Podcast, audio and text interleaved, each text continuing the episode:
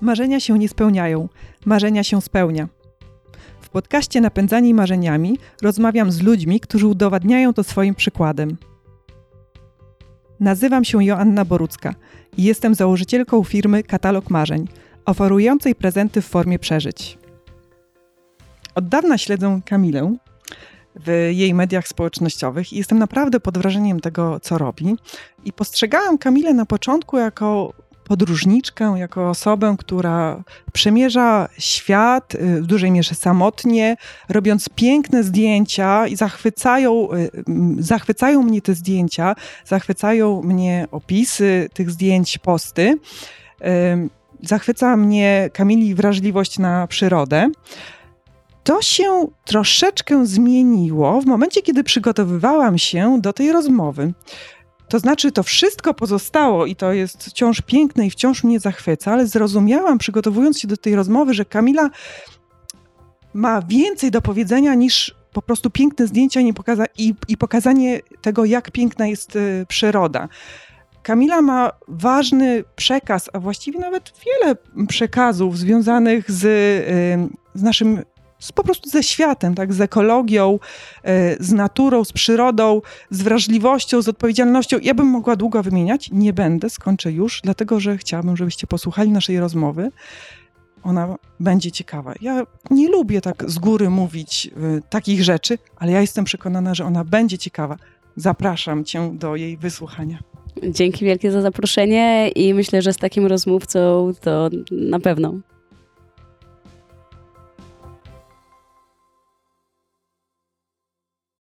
Kamila, witam cię bardzo serdecznie. Cześć Asia. I bardzo ci dziękuję, że zaprosiłaś nas y, do siebie. To jest takie szczególnie miłe, jak ktoś no, wpuszcza po prostu kogoś y, innego do siebie do domu. Takie okazanie zaufania naprawdę bardzo doceniam i bardzo, bardzo mi miło. Budziłaś zaufanie przez telefon. A, dzięki wielkie. Kamila, jesteś osobą dla mnie niezwykłą i tak bardzo inspirującą. Mam tutaj taką ściągawkę żeby powiedzieć w skrócie, czego ty dokonałaś, bo naprawdę to są no, dla mnie osobiście e, rzeczy bardzo takie imponujące i inspirujące. I na pewno ta lista nie jest e, pełna, ale wymienię, tak? Samotnie przeszłaś e, Pacific Crest Trail. To jest trasa o długości blisko, blisko 5000 kilometrów. Przejechałaś rowerem setki kilometrów zimą na Alasce i w Kanadzie. Podróżowałaś przez Afrykę, e, uczestniczyłaś w Bike Jamboree w Azji, samotnie przepłynęłaś blisko 500 kilometrów e, wzdłuż e, wybrzeża Kolumbii Brytyjskiej. Nie wiem, ile niedźwiedzi spotkałaś w swoim życiu. Ja też już nie wiem Już tego. nie liczysz, no właśnie, ale no po prostu wow, to jest mm, to jest inspirujące, to jest imponujące i to jest dla mnie po prostu piękne, bym tak powiedziała i mm, mm, naprawdę, naprawdę. I, i tak się zastanawiam, kim ty właściwie jesteś? Wiesz, co cię, co cię, jak ty siebie definiujesz, dlaczego robisz to, co robisz? Ja wiem, zaczęłam tak kurczę, z, z grubej rury. Z grubej rury, no. Um, ja się staram przede wszystkim chyba siebie nie definiować. To okay. znaczy nie, że mam mm -hmm. coś przeciwko, że ktoś mnie nazwie podróżnikiem, mm -hmm. czy turystą, czy fotografem, czy przewodnikiem, czy nie wiem, jakąkolwiek innym określeniem, czy zawodu, czy aktywności, którą robię. Mm, bo to wszystko jest prawda, ale mm -hmm. to jest dalej tylko częściowa prawda i są to też prawdy trochę szufladkujące. Mhm. Więc y, ja przede wszystkim nie mam takiej potrzeby, żeby używać jakiejś nazwy, kim jestem. Wiem, co mnie cieszy w życiu, mhm. wiem, co mi sprawia ogromną frajdę, e, co mnie nakręca, wiem, kim chciałabym być, gdzie bym chciała być, co bym chciała robić. Mhm. To wszystko wiem. Um, ale chyba nie mam potrzeby nazywania tego. Mhm. Mamy w ogóle takie czasy teraz, że e, mam, musimy się określać. To jest po angielsku się takie ładnie nazywa, że claims, że tutaj, że mhm. ktoś jest, nie nie wiem, tutaj tak. e, autor, pisarz i tak zawsze tak, nie wiem, tak, czy na tak. Twitterze, tak. czy na Instagramie, zawsze takie mhm. rzeczy musimy wrzucać. Um, I chyba się wszyscy do tego przyzwyczaili, że... Tak, to z biznesu chyba przyszło, że tam tak. marki, firmy właśnie tworzą te swoje claims, tak, myślenia. Że i tak... jesteś tutaj tak jakimś, nie tak. wiem, junior menadżerem, no i, i, mhm. i, i, spoko, ale to też dalej nie jest pełna prawda, mhm. więc... E, więc nie wiem, czy ja bym się ch chciała chyba mhm. definiować przez, przez takie słowa. Po prostu okay. nawet, mhm. nawet bym chyba nie potrafiła, mhm. wiesz? No dobra, ale to, yy, bo powiedziałeś, że wiesz właśnie, co ci napędza, co ci sprawia yy, frajdę, to co to jest? Mm, jeśli pytasz o takich rzeczach bardzo konkretnych, to na pewno nakręca mnie jak czuję takie mrowienie aż w końcówkach e, palców, jak mam przed sobą jakiś projekt. I jest to projekt, który wiem, że może pójść fajnie, że można z niego wyciągnąć bardzo dużo. Czyli nie, że po prostu gdzieś jadę mhm. i, i, zwiedzam sobie coś, mm, natomiast, że z tego będę mogła nakręcić czy jakiś film, czy, e, czy właśnie potem zrobić prezentację, czy to ma jakiś przekaz dziennikarski, potem z tego mhm. pisać artykuły, może jakieś reportaże, to wszystko miksować, spotykać, może jakieś albumy z tego wydać.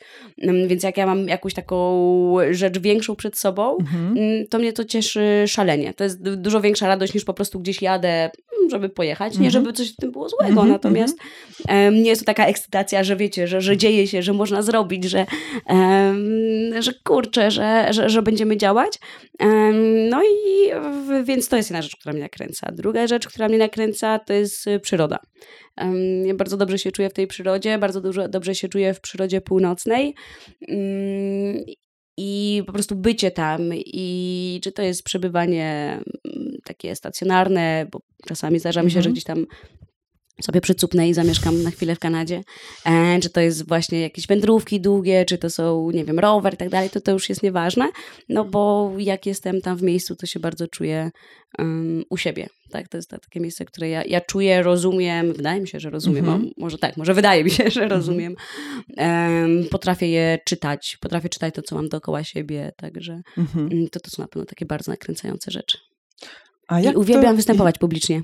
To wow. mnie jeszcze w ogóle nie wiem, czy a, a propos, bo pytasz, co, mhm, tak, co, cię tak co, co mnie w jakiś sposób definiuje. Mhm. Mm, zawsze to lubiłam robić, ale ostatnio właśnie doszłam do wniosku, że to jest chyba też um, wynika z jakiejś tam części mojej tożsamości mhm. i, um, i, z, i, z, tego, kim jestem i dlaczego to lubię robić, chyba jest też, e, te, też ważne, mhm. więc właśnie... A dlaczego?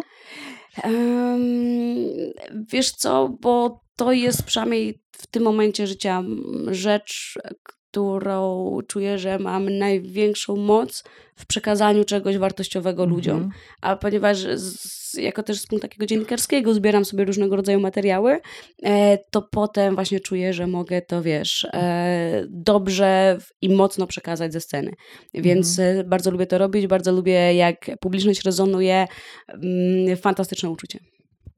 Słuchałam Twoich wystąpień i oglądałam Twoje wystąpienia i y, po drugiej stronie też jest fantastyczne uczucie, tak? I no, naprawdę y, ten przekaz, y, mm, to o czym mówisz, to no, było dla mnie takie przejmujące i takie mocno uświadamiające, otwierające oczy na pewne rzeczy. Mówię tutaj o wystąpieniu, w którym mm, mówiłaś o odpowiedzialności za słowa, odpowiedzialności za czyny, bo niewinnie brzmiące słowa czasem y, przytoczę, będziesz wiedziała o czym y, mowa, na przykład Sierra jest do przejścia. Mhm. Że no, co takie zdanie może zrobić y, w ogóle mm, innym ludziom, prawda? Czy co się może wydarzyć na, podsta na podstawie takiego zdania?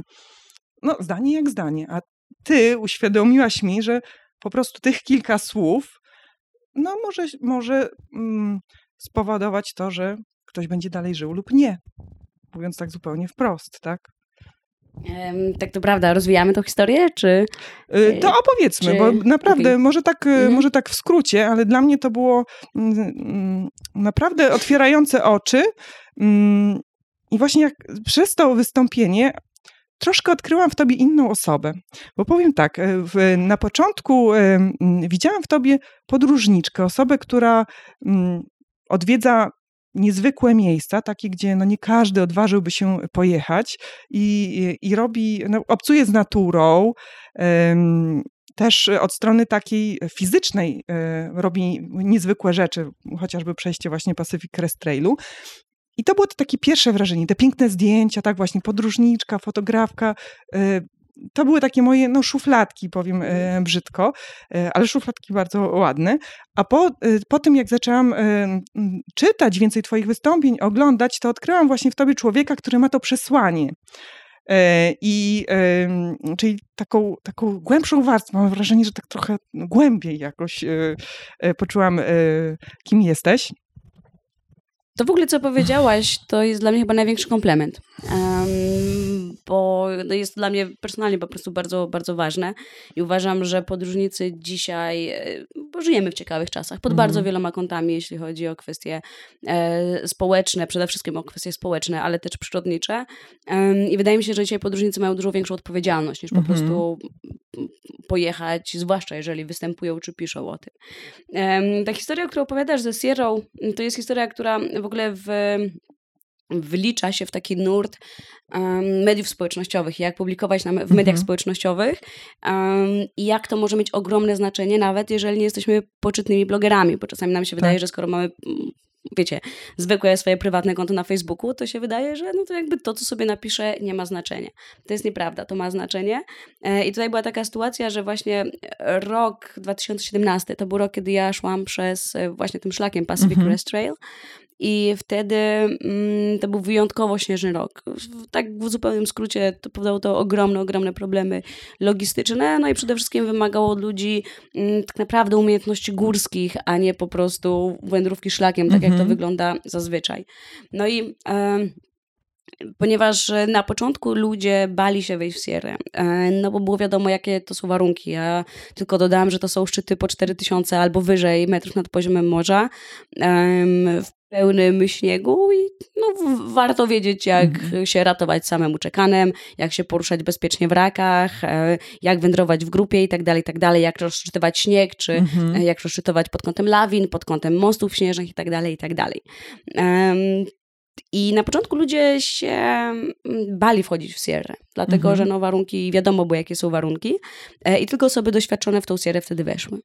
Ale w momencie, kiedy pierwszym osobom udało się w końcu przejść przez Sierrę, kiedy mm, raz, że śnieg to jest jedno, ale dwa, był bardzo duży kłopot z rzekami, bo te ogromne ilości śniegu, jak się mhm, topiły, tak. no to powodowały bardzo trudne warunki w rzekach. E, I w ogóle sporo osób zginęło w tamtym roku w rzekach, właśnie przy przekraczaniu tych rzek. No i w momencie, kiedy w końcu Sierra zaczęła w cudzysłowie opuszczać pierwsze osoby, czyli to były osoby, które po prostu sobie z tym poradziły, to one właśnie, tak jak mówiłaś, zaczęły pisać na Facebooku, mm -hmm. na takiej naszej grupie hikerskiej, mm -hmm. grupie prywatnych kont znowu, um, że Sierra jest do przejścia. I to jest hasło, które jest zupełnie innym przekazem niż to, że ja dałem radę przejść Sierrę, bo mam do mhm. tego umiejętności, sprzęt, może towarzyszy, może poświęciłem temu ogromną ilość czasu na szukanie na przykład alternatyw, żeby przejść mhm. jakąś rzekę i tak dalej, i tak dalej. E, I to jest zupełnie inny komunikat, bo Sierra nie była do przejścia. Sierra mhm. była do zrobienia dla tego człowieka tak. w tym momencie, bo to jest jeszcze ważne, w tym momencie, bo tam mhm. sytuacja w rzekach, to wiecie, jak mocniej przyświeci słońce, to się w ciągu trzech godzin potrafi zmienić, więc e, to jest naprawdę bardzo wiele czynników. Natomiast e, wtedy właśnie, kiedy ogłoszono w cudzysłowie na Facebooku, że Sierra jest do przejścia, e, to wtedy weszły w Sierra osoby nieprzygotowane, mhm. bo ktoś tak uznał i one tak, ponieważ same nie miały doświadczenia, same nie miały innych informacji, to były jedyne informacje, jakie można było uzyskać, uznały, że można. I wszystkie wypadki śmiertelne paradoksalnie zdarzyły się właśnie wtedy, jak zostało ogłoszone, mhm. że Sierra jest do przejścia, e, a nie wcześniej, jak te warunki były naprawdę trudne.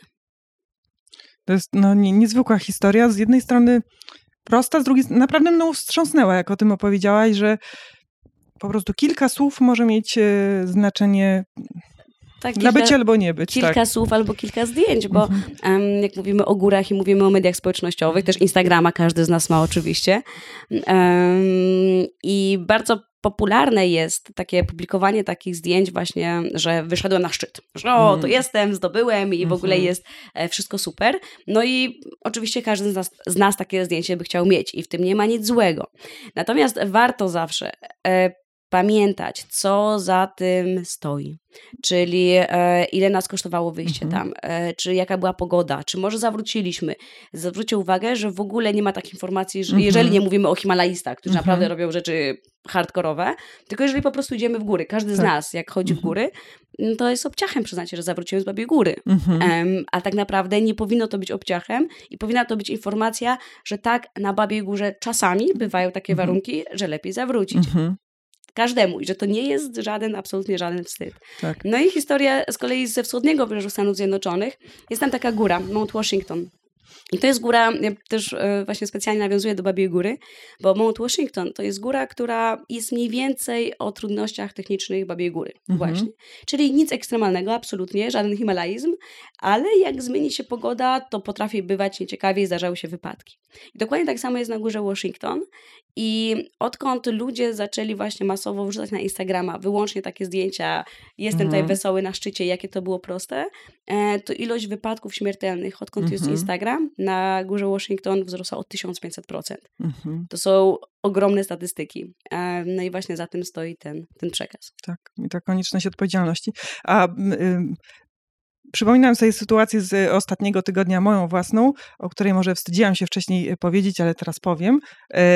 Taka prosta bardzo rzecz. Biegałam sobie wieczorem pod lasem i w pewnym momencie zatrzymał się pan i powiedział, że 300 metrów dalej są e, dziki. I w sumie, mm, no tak sobie pomyślałam, że hmm, biec czy nie biec? No z jednej strony fajnie byłoby pobiec, z drugiej strony trochę jednak tych dzików się boję, więc skręciłam i pobiegłam inną drogą.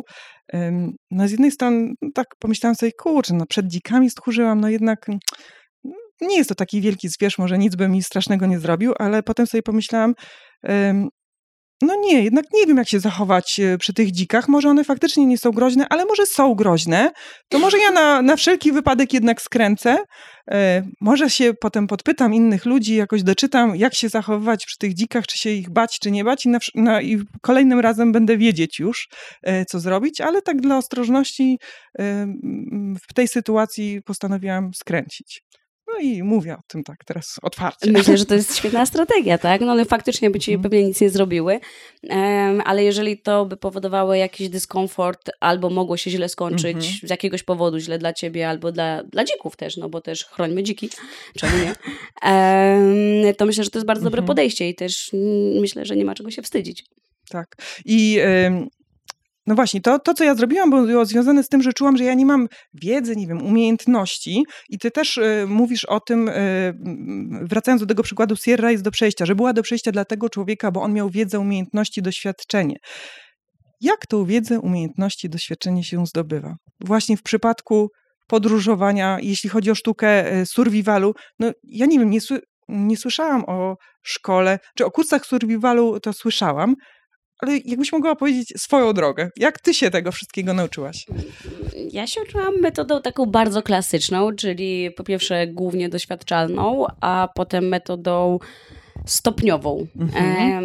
moje pierwsze wyjazdy, nawet jeżeli to była jakaś tam Alaska na rowerze czy coś, mm, to były wyjazdy bardzo bezpieczne, bardzo sympatyczne, mhm. z zachowaniem jakichś e, takich, wiecie, wszystkich zasad, których laik powinien się trzymać na Alasce. Czyli? Właśnie sko skąd wiedziałaś, jakie to są zasady? Znaczy, takich zasad, no zasad, może to jest w ogóle złe słowo, mhm. tak? Może bardziej, no nie wiem, że wolałam spać na kempingach niż na dziko, mhm. bo mi to dawało jakiś komfort, nie czułam się na siłach, e, nie czułam, że mam wiedzę, żeby spać bezpiecznie na dziko, albo że to jest wiedza wyłącznie taka e, gdzieś tam teoretyczna. Mhm. I ja wolałam sobie tę wiedzę implementować do własnych podróży powoli e, i stopniowo. Czyli nie, że naraz po prostu bach, ja tutaj się rzucam, a tak naprawdę trochę nie wiem, co robię i to jest takie, no trochę na, na granicy, tak? Mhm. Um, nawet jeżeli by się nic nie stało, um, to mam takie poczucie, że to by było działanie w obszarze po prostu, którym się nie powinnam jeszcze poruszać. Mhm. No i tam po prostu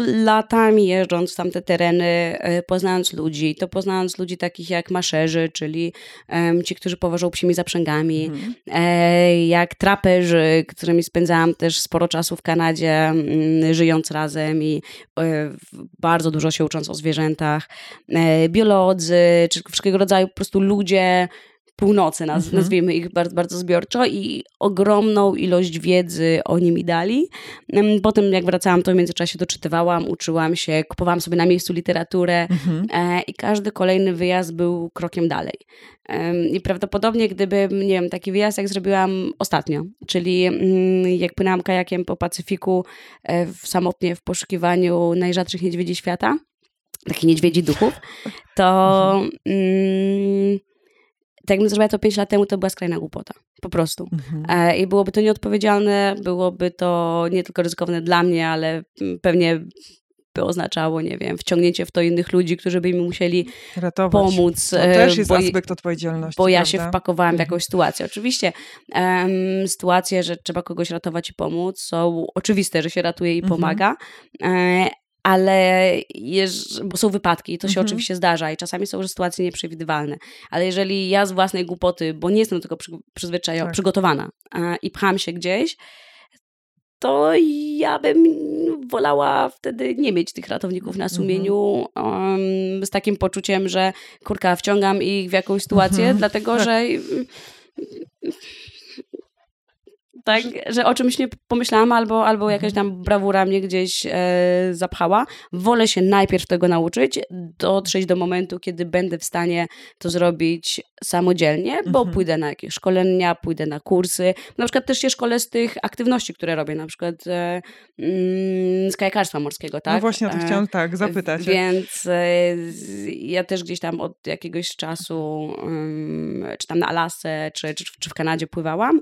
No a potem też. e, Też byłam, miałam indywidualne jakieś tam nauczania, byłam na Mhm. kursach ym, i starałam się tak naprawdę, i staram się, nie zawsze to się da. I oczywiście to też, żeby nie było, że jestem jakąś krystaliczną osobą, bo też bym się tak nie określiła. Natomiast staram się, mm, żeby to było tak, że umiem trochę więcej niż to, co dany wyjazd będzie ode mnie wymagał. Rzecz jasna, to brzmi bardzo idealistycznie. Nie zawsze się Mhm. da. Czasem warunki nas zaskakują i to się wszystko zdarza. I też byłam w takich sytuacjach, które przekraczały w danym Mhm. momencie jakiś punkt i było, e, i było trudno. I też tak było na Pacyfiku i też tak było, jak zaczął pękać pode mną lód na jeziorach w Laponii. Mhm. I też tak było przy przekraczaniu rzek, kiedy po prostu już musisz sobie po prostu poradzić, więc też bym nie chciała tutaj mm, jakiejś takiej fałszywej tak naprawdę mm, stwarzać takiego fałszywego obrazu, że ja tutaj zawsze jestem przygotowana, Mhm. bo też się nie da, tak? I to też, Mhm. jest, też jest nieprawda, też zdarzają mi się błędy, oczywiście, że tak, Mhm. E, ale staram się, staram się być po prostu, Mhm. wiedzieć co robię.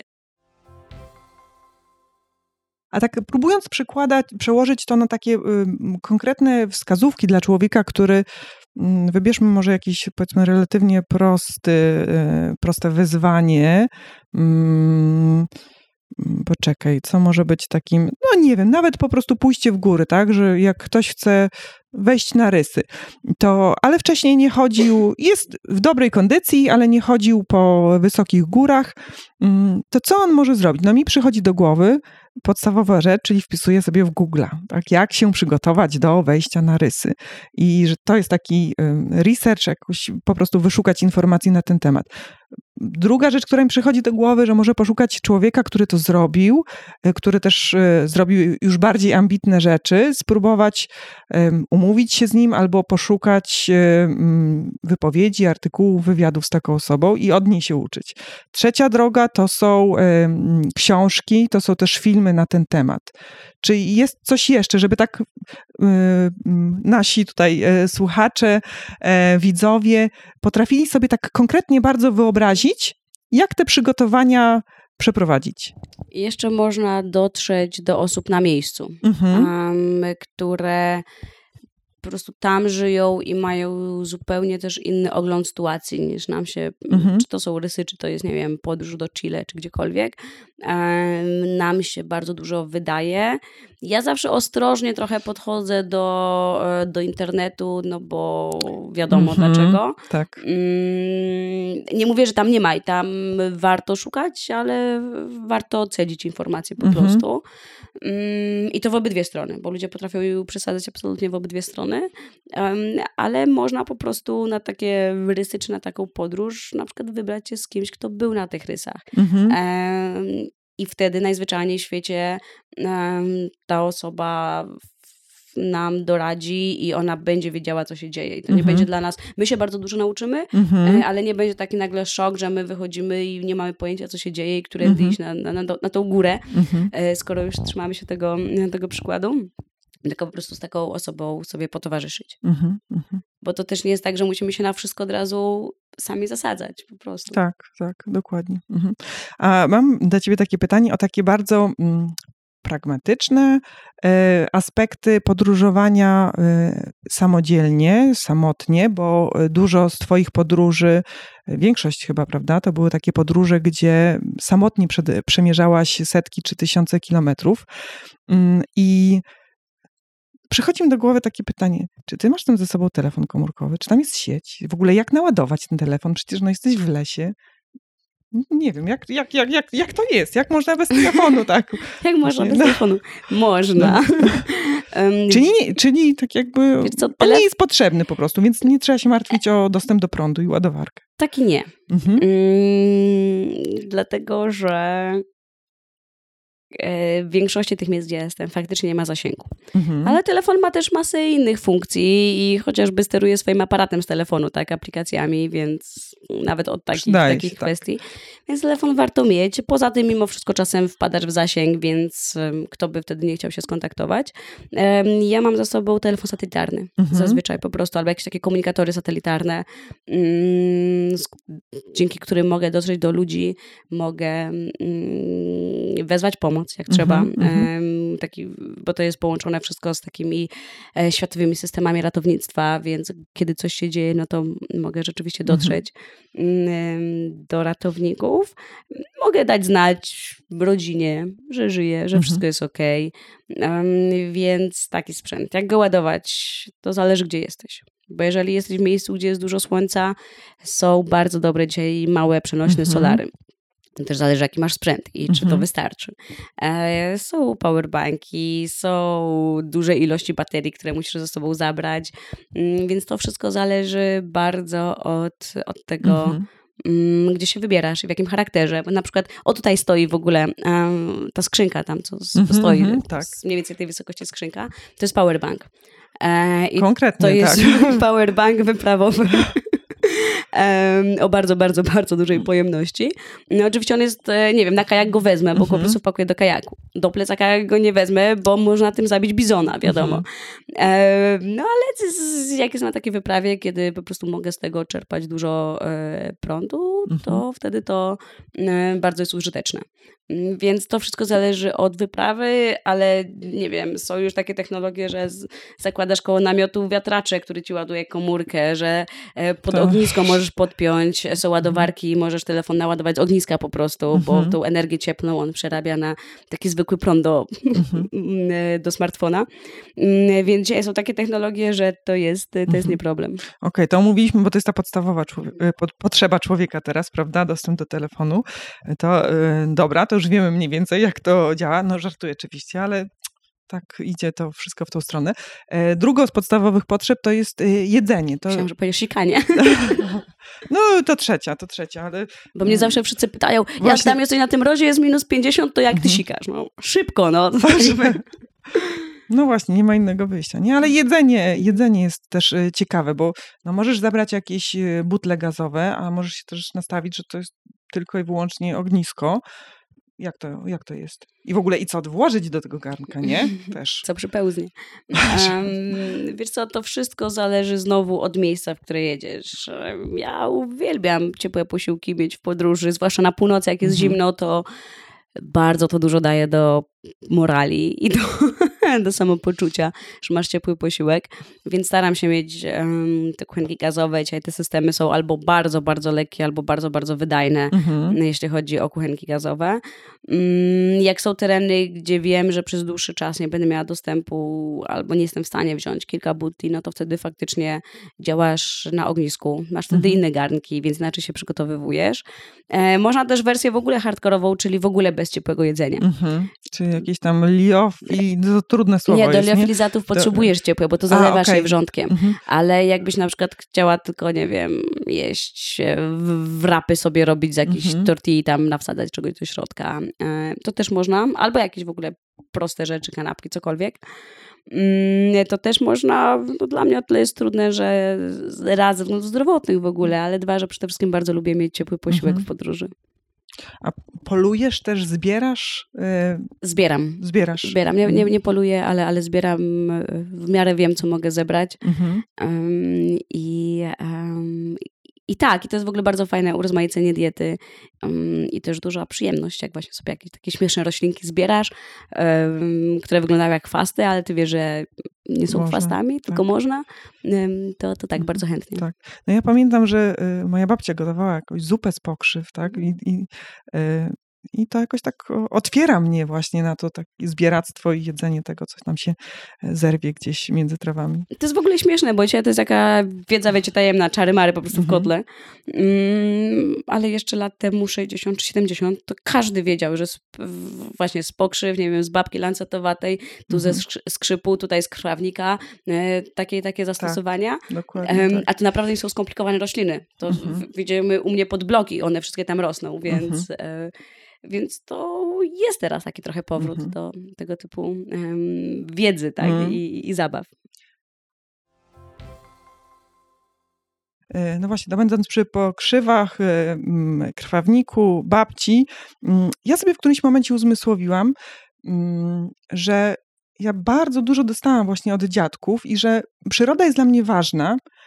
I tak próbowałam może zanalizować, to jest za dużo powiedziane, e, skąd się dla mnie, skąd się we mnie wzięło to, że właśnie ta przyroda e, jest ważna.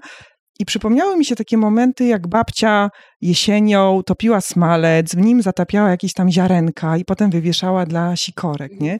Dziadek na wiosnę to zabierał mnie zawsze w takie miejsce, gdzie e, Boże, kaczęce, właśnie gdzieś tam takie bagienka jakoś tam okoliczne, zawsze czekaliśmy, kiedy będą te kaczęce, kiedy one będą e, kwitły i właśnie jechaliśmy i, e, i je oglądać. Zwierzęta, to mm, babcia traktowała y, psy trochę jak członków rodziny, miała specjalny kalendarz, gdzie odnotywała ich daty urodzenia, no i potem, no tak, i może nie jakoś hucznie, ale jakoś tam celebrowała, przynajmniej zauważała ich urodziny. I, no i właśnie widzę, że y, takie proste rzeczy no, wpłynęły na to w dużej mierze, y, jaka jestem. Czy, a jakie ty masz doświadczenia właśnie? Jak myślisz, skąd się w tobie wzięła ta, ta, ta miłość do przyrody? Nie wiem, czy, czy to są też jakieś takie powiązania z, z domem rodzinnym, z, z latami dziecięcymi, czy po prostu tak masz? Nie wiem, jak to odkryłaś, tak, że ta przyroda jest dla ciebie taka ważna? Trochę tak. Moja mama jest biologiem i mhm. faktycznie pamiętam, jak jako dziecko chodziłyśmy na spacery i ona mnie oraz moją siostrę uczyła wszystkich y, motylków, wszystkich roślinek mhm. i um, to bardzo zapadło w pamięć. Jak jeździliśmy, ty mówisz o kaczęcach, um, to kaczęce to, to, to raz, ale pamiętam jeździliśmy też, jak żaby składały e, skrzek i one się mhm. potem wykluwały e, kijanki. I są takie miejsca, gdzie naprawdę w setkach tysięcy e, są tych kijanek i tego skrzeku tam, te żaby, to jest tak na, na przednówku wiosny tak naprawdę to się wtedy dzieje. I były całe takie właśnie wyprawy, wyprawy w poszukiwaniu pierwszych oznak wiosny, mm -hmm. pamiętam, robiliśmy jakieś. To faktycznie to gdzieś bardzo mocno było. A dwa, tak praktycznie też dużo mi dało harcerstwo, więc od, od dziecka gdzieś tam po miesiąc w lesie od małego mm, więc ten las um, nie był takim, bo często dzisiaj dla nas las jest takim jakimś bytem e, trochę przerażającym, trochę tak. zewnętrznym, jakimś takim obcym, tylko ten las był naturalnym miejscem, gdzie coś się dzieje, gdzie coś się żyje, gdzie, mhm. mówię, spędzasz miesiąc um, z innymi i um, myślę, że tutaj kombinacja tych wszystkich mhm. rzeczy po prostu zadziałała. Mhm. Myślę, że ważne jest, żeby o tym mówić, bo ja sama mam trójkę dzieci i tak zauważam, że kurczę, za mało im przekazuję właśnie tej miłości do przyrody i um, to dosłownie było kilka miesięcy temu, kiedy sobie przypomniałam właśnie o dziadkach i to taki mm, wyzwoliło impuls do tego, żeby więcej z dziećmi o tej przyrodzie rozmawiać, pokazywać im drobne rzeczy, bo mm, takie zwykłe chwile na co dzień właśnie budują człowieka, tak? I tą, i tą miłość do przyrody. Także. Mm. To jest, byśmy trochę przed podcastem rozmawiały o mm, tym, jak bardzo wierzymy w edukację na różnych e, mhm. płaszczyznach, w różnych tematach. E, I myślę, że tutaj ta edukacja też przyrodnicza i zwłaszcza przez taki przykład jest szalenie ważna. Wracając do ciebie, do twojej drogi, do twoich y, doświadczeń, tych y, niesamowitych wypraw, to która z nich mm, dała ci taką największą satysfakcję? Którą jakoś, nie wiem, z największym sentymentem wspominasz? A może w ogóle nie robisz takiego rankingu? Jak do tego podchodzisz? bo nie rozmawiałyśmy tak w szczegółach, tak o tych poszczególnych wyprawach. Podlinkujemy dla, dla słuchaczy, widzów stronę Kamili i tam będziecie mogli zapoznać się z większymi szczegółami o tych różnych dokonaniach Kamili. Ale no właśnie teraz, czy jest taka jedna podróż, jedna wyprawa, która jakoś szczególnie jest bliska twojemu sercu. Z jednej strony staram się nie robić takiego rankingu, mm -hmm. bo to by znaczyło, że jakaś podróż była Prze mm -hmm. głupia albo nieważna. Nie. To nie jest prawda, -hmm, albo tak. jakaś tam mniej wartościowa. E, chyba bym nie chciała um, tak tego ustawiać, natomiast faktycznie um, to może o której były chciałabyś... dwie tak, podróże, o. które dużo zmieniły i które były ważne. E, I to były ostatnie dwa duże projekty, czyli mm, po pierwsze przejście Pacific Crest Trail, mhm. które z punktu widzenia nie wiem, wyczynu nie były jakimś nie wiadomo jakim hardcorem, tak? To nie było coś e, powyżej moich możliwości. No poza rzekami, które były mhm. absolutnie katastrofalne w tym roku, ale, ale generalnie szlak, mimo że bardzo daleko, mimo że trwa to pół roku, mimo że zrobiłam oprócz samego szlaku 500 dodatkowych kilometrów, mhm. gdzieś tam sobie bokiem i tak dalej, i tak dalej. Ale to, co mnie zaskoczyło w tej podróży, to to, że mm, ona się okazała dla mnie z bardzo prywatnych względów ważna. Ja tam tak naprawdę pojechałam robić reportaż. Robić reportaż na temat subkultury amerykańskich e, wędrowców długodystansowych. Mhm. Um, przeprowadziłam tam 200 wywiadów w czasie e, tego pobytu. No i tak w, w, w, tym kierunku. I taki był mój zamysł. Oczywiście wiedziałam, że mnie to będzie cieszyć, no bo jak może kogoś nie cieszyć pół roku chodzenia po górach. no, hello. prawda? Właśnie, kogoś może nie cieszyć, tak. Um, więc wiedziałam, że to będzie bardzo fajna wyprawa. Natomiast główny cel był właśnie ale um, w jakiś taki bardzo emocjonalny sposób, tak bardzo przywiązałam się do tej wyprawy, do tego, co tam się działo. Um, ona jest dla mnie takim synonimem, że naprawdę to jest chyba rzecz, która mi dała najwięcej takiej absolutnie czystej, nieskażonej radości e, w życiu, po prostu z bycia, mm -hmm. po mhm. prostu zrobienia dzień po dniu. Um, I to było coś niesamowitego i coś, z czym bardzo trudno się było rozstać. Nie dało się nie rozstać, bo po pierwsze szlak się skończył, a po drugie przychodziła zima i pozamiatane. Mm, ale e, tęsknota za szlakiem i coś, co dotyka bardzo wielu wędrowców, czyli depresja poszlakowa. Znaczy ja nie mm -hmm. bardzo mhm. chciałabym szafować słowem depresja e, i deprecjonować go, bo to jest oczywiście bardzo poważna choroba. Natomiast um, psychologowie, też psychologowie, którzy zajmują się górami, bo to też w ramach mm -hmm. swojego projektu um, rozmawiałam z nimi, um, oni to porównują do depresji poporodowej, którą się po prostu ma ze względu na poczucie jakiejś straty. No bo tracisz coś w swoim życiu. Oczywiście bardzo dużo zyskujesz. Mhm. I zrobienie takiego szlaku też znaczy, że bardzo dużo zyskałeś w swoim życiu, ale jak go kończysz, to czegoś nie masz po prostu. I no to było trudne i to jest rzecz, której ja naprawdę to w ogóle mówię, bardzo rzadko o tym mówię, albo w ogóle, więc chyba jesteście pierwszym miejscem. Um, ja mam naprawdę czasami jest do dzisiaj, mimo że to było dwa lata temu, bolesne oglądanie zdjęć e, z tego szlaku, bo gdzieś tak emocjonalnie byłam z tym związana, więc um, nie kosztowało mnie aż tak dużo może przejście go, co zejście z tego szlaku, skończenie go. Um, więc to była pierwsza i to mnie bardzo mhm. zaskoczyło, um, bo wydawało mi się, no w ogóle co to w ogóle jakaś bzdura z tą... Że to euforia z, z, być, Że jakaś tylko tak. euforia, bo wow, przyszedłem, tak. w ogóle skończyłem, ale super. I to też było oczywiście, mhm. natomiast e, bardzo silne to, to poczucie opuszczenia szlaku.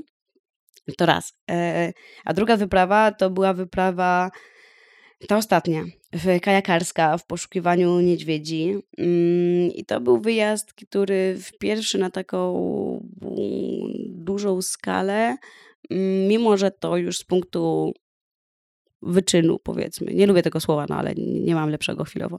Um, było wyzwanie. Naprawdę mhm. to było mhm. wyzwanie. Naprawdę było bardzo, bardzo ciężko na tym morzu. Um, dwa, że e, to był w ogóle trudny projekt w bardzo trudnych czasach, kiedy tych niedźwiedzi już po prostu nie ma w tych miejscach, bo one sobie idą w góry wysoko dlatego że nie mają swojego pożywienia naturalnego, czyli łososi. Mhm. Giną, drastycznie giną. Wybijamy je tak naprawdę, nazywajmy rzeczy po imieniu. Wykosiliśmy łososie i niedźwiedzie nie mają swojego pokarmu, więc mm, idą w góry zamiast siedzieć na wybrzeżu i nad rzekami. W związku z tym bardzo trudno je znaleźć. Dużo trudniej niż mhm. parę lat temu to jeszcze było możliwe. E, po trzecie, i potem, jak wróciłam z tej wyprawy, to to, o czym dzisiaj mówię, to, to są właśnie te rzeczy mm, przyrodnicze, e, ekologiczne, rzeczy pokazujące złożoność tych wszystkich mechanizmów, jak jedno z drugiego wy, wynika, jak przyroda jest wielowątkowa. Jak nie ma takiej rzeczy, że no trudno coś, kawałek tutaj stracimy, czy lądu, czy tak. jakiegoś, jakiś gatunek. No nie, bo to jest wszystko po prostu szalenie powiązane i ma wpływ e, bardzo na siebie. No niedźwiedzie, które są po prostu papierkiem lakmusowym, są e, tego, co się dzieje w środowisku. Mhm. Ponieważ są na górze, to wszystko, co się dzieje poniżej nich, po prostu one odczuwają. E, są też tubą do mówienia o tym środowisku, dlatego że no mówienie jak, nie wiem, o łososiach jako rybach, no nuda, kto by w ogóle chciał tego słuchać. Natomiast przez pryzmat tych niedźwiedzi mhm. um, można mówić o czymś naprawdę ważnym. I po tej wyprawie i po tym jak um, gdzieś tam skonstruowałam jakąś opowieść o tej wyprawie, bardzo odsuwając te wszystkie aspekty, o, że tutaj było hardkorowo i to może i w ogóle i to, i tu lwy morskie chciały mnie zabić i to i tamto. I zupełnie marginalizując te kwestie, a skupiając się na kwestiach jakichś tam dużo ważniejszych, ja wiedziałam, że to będzie ważne. Ja wiedziałam, że ludzie będą na to dobrze reagować w takim znaczeniu i to będzie do nich przemawiać. Um, ale skala tego mnie samą zaskoczyło, że mhm. to tak strasznie rezonuje w ludziach i tak ludzie strasznie um, dobrze to odbierają i to nie przez pryzmat, którego ja dostaję szału, jak ktoś tak mówi. O, jak to możliwe, że taka mała blondynka sama tam pojechała? To i właśnie nie przez taki, mhm. pryzmat, tylko przez pryzmat, że jest coś ważnego do powiedzenia, do wysłuchania. I dla mnie to było no, w taki sposób otwierający oczy, mimo że zawsze gdzieś tam ta, te aspekty dziennikarskie, mhm. powiedzmy, e, były mi bliskie, no to dzisiaj e, wszystkie moje działania są w dużej mierze ukierunkowane przez to, jak ta poprzednia wyprawa po prostu się udała. Strasznie się rozgadałam na to twoje ostatnie pytanie, która była najważniejsza, ale one te naprawdę pod różnym zupełnie kątem, te dwie podróże były bardzo znaczące w moim mhm. życiu. No, to są bardzo ciekawe rzeczy i takie nieoczywiste, tak? No, sama mówisz o tym, że zaskoczyły cię um, obie sytuacje i to poczucie um, straty po zejściu ze szlaku i, i, i to odkrycie, że um, forma, sposób przekazu ma bardzo duży czy, czy tak jakby opowieść ma bardzo i sposób jej konstrukcji ma bardzo dużo wpływ na to, czy, y, czy ten przekaz, który chcesz, y, żeby dotarł do ludzi, faktycznie do nich dotrze. Także bardzo dobrze, że się rozgadałaś. A ja miałam na, y, miałam na swojej liście pytań mm, właśnie takie pytanie, co czujesz, jak po tygodniach czy miesiącach samotnej wędrówki wracasz do swojego krakowskiego mieszkania? No już po części odpowiedziałaś. Ale tak nie jest zawsze. Okay. Tak nie jest zawsze, bo mm, i to też jakby zawsze za każdym razem się dziwię, mm, bo bardzo szybko, naprawdę z godziny na godzinę przestawiam się do takiego, wiecie, chciałam powiedzieć wielkomiejskiego, no ale to jest Kraków. Że mam łazienkę, mam kuchnię. Mam, bardzo łatwo mi to idzie, wejście w tryb, tutaj wiecie, e, tutaj czy jakaś impreza, tu piwo z znajomymi, tutaj jakieś mhm. spotkanie, to tam takie, tutaj praca po czasem 16 godzin, e, jak to z freelancerami bywa. E, na komputerze i po prostu naprawdę z godziny na godzinę się potrafię przestawić. E, mhm. I zazwyczaj tak to wygląda po, po powrotach. Okej. Okay. Czyli to taka elastyczność, tak. E, masz, masz Czasem ją w sobie. to niepokoi nawet.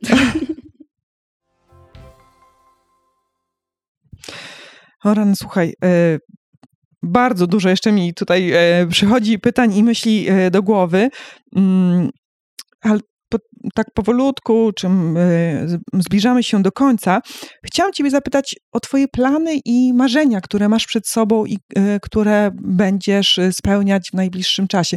Ja wiem, że ludzie różnie do tego podchodzą. Czasem mają Ale takie. zdradzę. No właśnie, właśnie, bo czasem y, aż prą do tego, żeby powiedzieć światu, że tam teraz będę realizować to marzenie, a inni jednak bardziej tak ostrożnie, zanim ono się nie spełni, to jednak nie chcą o tym mówić. Ale mówisz, że zdradzisz, to zapraszam. Zdradzę, ale to jest wyjątek, bo Mhm. jestem z tej drugiej grupy i, i faktycznie dopóki coś się nie uda, to, to tego nie komunikuję.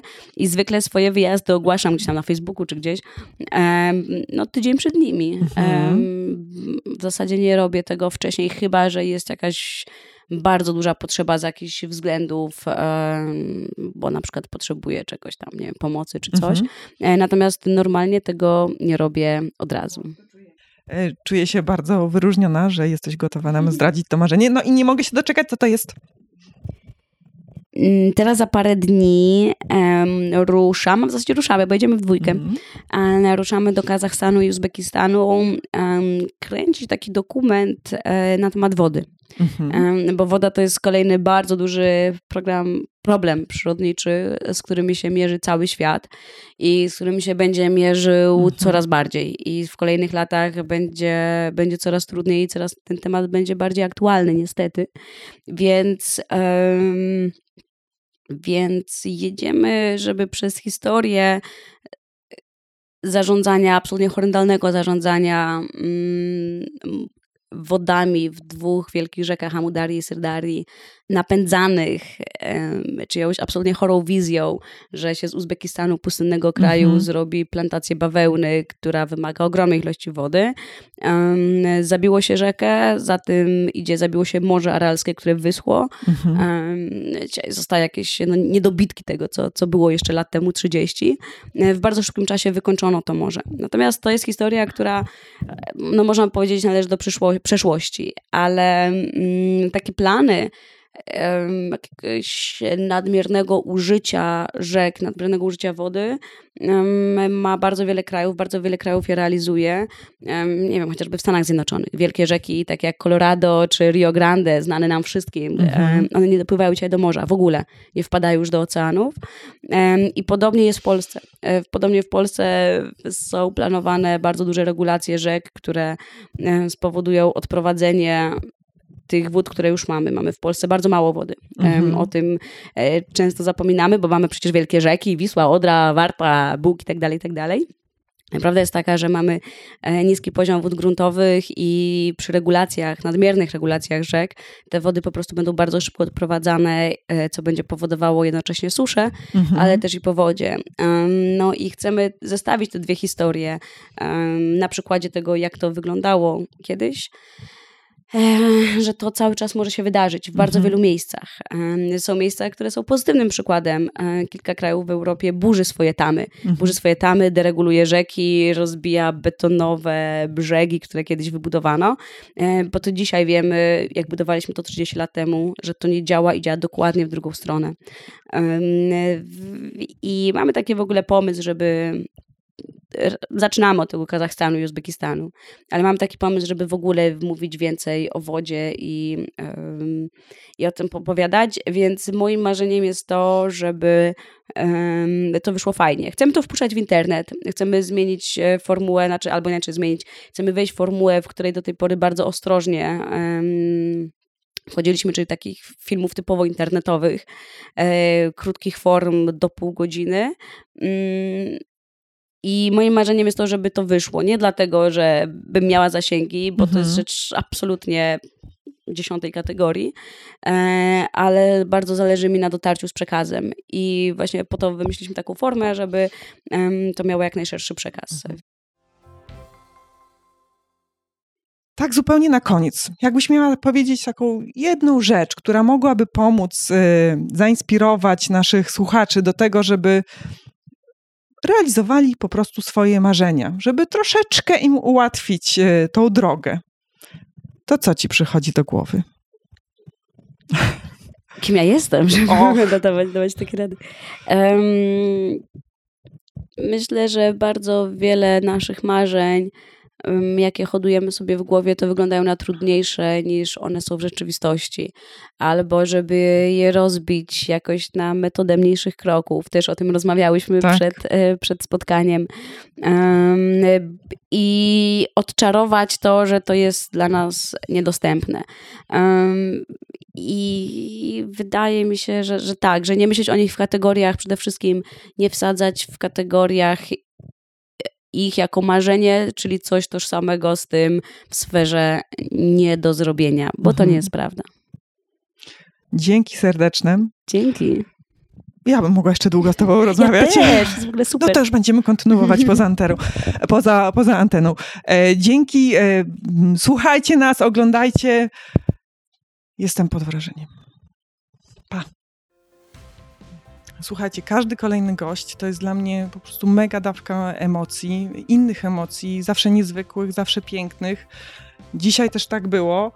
E, mam nadzieję, że te emocje są też e, w Was e, i że to przesłanie pozostanie w Was i że będziecie, że to Was no jakoś tak troszeczkę też może zmieni, tak? I, i, i pomoże Wam w mm, dostrzeganiu piękna przyrody, pomoże Wam też w tym, żeby lepiej rozumieć pewne rzeczy po prostu. Mm, jeśli chcielibyście mm, dalej śledzić e, przygody Kamili i te przekazy, które Kamila ma e, dla świata, dla Was wszystkich, to e, podlinkujemy w, w, notatkach do tego podcastu stronę Kamili, media społecznościowe Kamili i będziecie mogli dzięki temu być z Kamilą w kontakcie.